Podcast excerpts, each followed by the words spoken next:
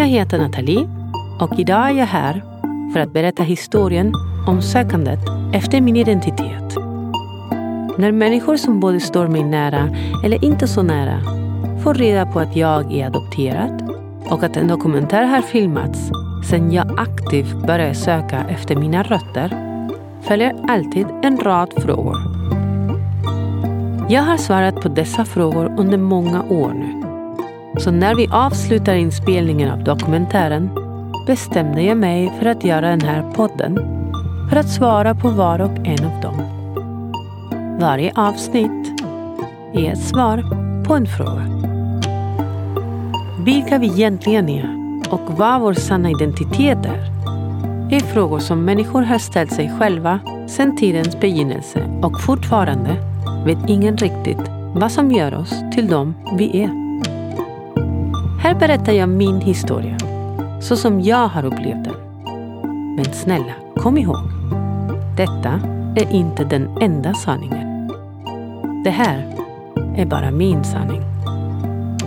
Av det som du hör här idag, ta till dig det du vill och låt resten vara. Med detta sagt önskar jag dig ljus och kärlek och en underbar dag.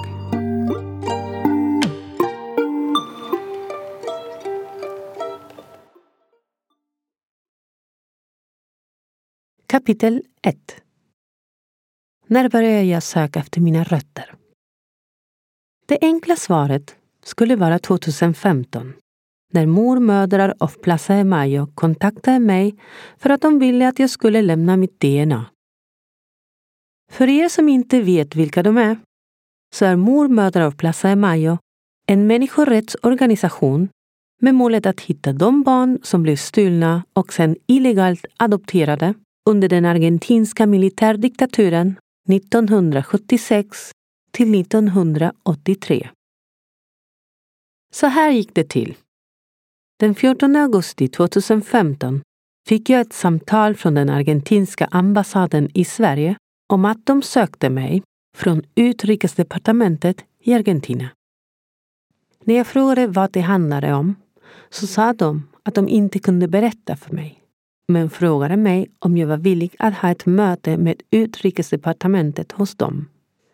För att göra en lång historia kort så hade mor, mödrar Plaza de Mayo fått in flera anonyma anmälningar genom åren om att jag förmodligen var ett av de stulna barnen som adopterades bort illegalt. Nu kunde de inte vänta längre, så en officiell utredning om mitt fall hade påbörjats.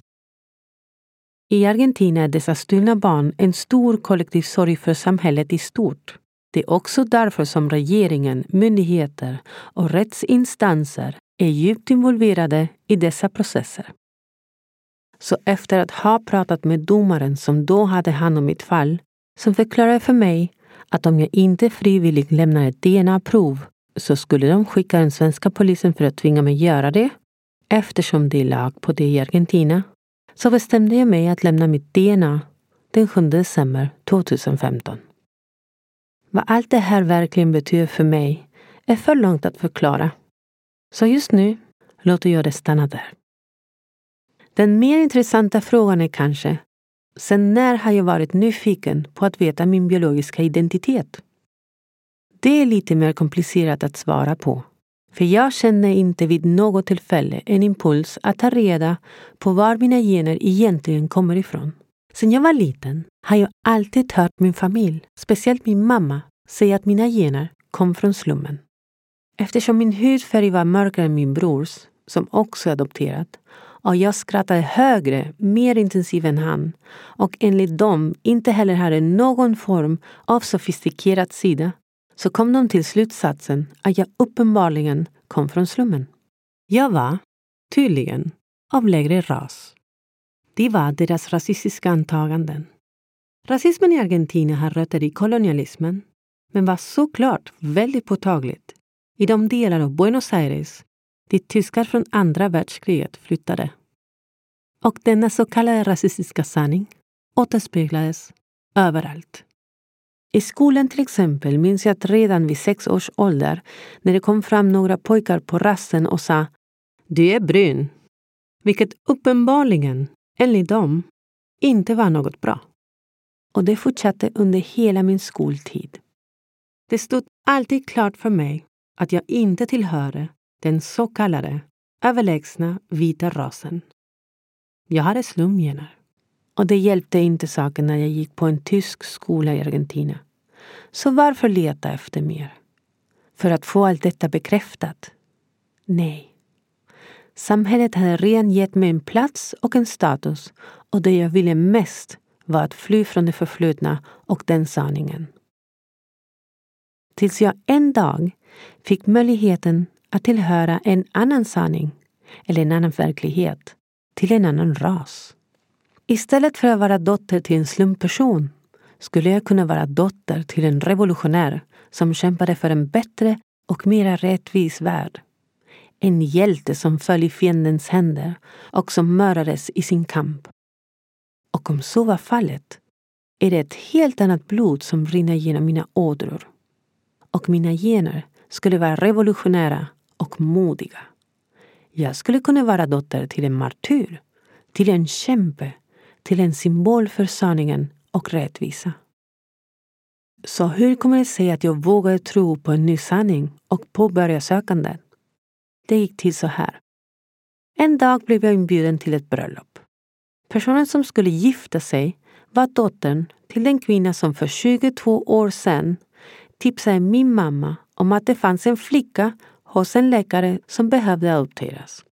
I grund och botten är tack vare henne mina föräldrar adopterade mig.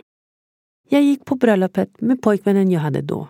Väl där såg vi att de flesta av männen var klädda i några sorts polis eller militäruniformer. Jag lade märke till det, inte för att jag någonsin då hade tänkt tanken att jag var dotter till försvunna mördare av militären under diktaturen, utan för det verkar löjligt för mig att de hade klätt sig i uniform för ett bröllop. Som jag sa tidigare tror jag aldrig att jag kunde tillhöra det där lilla och mycket speciella underverket av bebisar som stulits under diktaturen. Det hade blivit tydligt för mig via deras klassförakt och rasistiska antaganden att jag var en produkt av lägre samhällsklass och att jag därför inte hade någon som helst sofistikerad sida. Min tillvaro var utan transcendens. Så det gick inte upp för mig förrän dagen efter när min pojkvän berättade att hans pappa hade frågat honom om personerna som var adoptionskontakten med min familj hade något med diktaturen att göra. Från och med den dagen kände jag aldrig mer fred inombords. Det var så uppenbart. Jag visste redan då vad jag behövde göra. Det var som om hela landets historia plötsligt hängde på mina axlar. Det fanns bara en sak att göra. Gå till mormödrarna och Plaza Mayo. Jag gjorde det. Det tog några månader. Men jag gick. Jag minns inte datumet, men jag vet att det var innan jag flyttade till Sverige den 9 juni 2002 och efter våldtäkten jag överlevde den 7 augusti 2001. Jag minns att jag stod vid dörren till byggnaden, till mormödrar och Plaza Mayo med darrande ben. Så rädd, men jag lyckades ta mig dit. Och det var så sökandet började. Plötsligt kunde jag vara någon annan. Plötsligt var jag en speciell person. En nationell skatt. Balsamet som kunde läka en nations sår. Det levande beviset på att sanningen inte kan dödas. Det var så, under åtminstone några år, jag fick nya gener. Jag fick vara någon annan.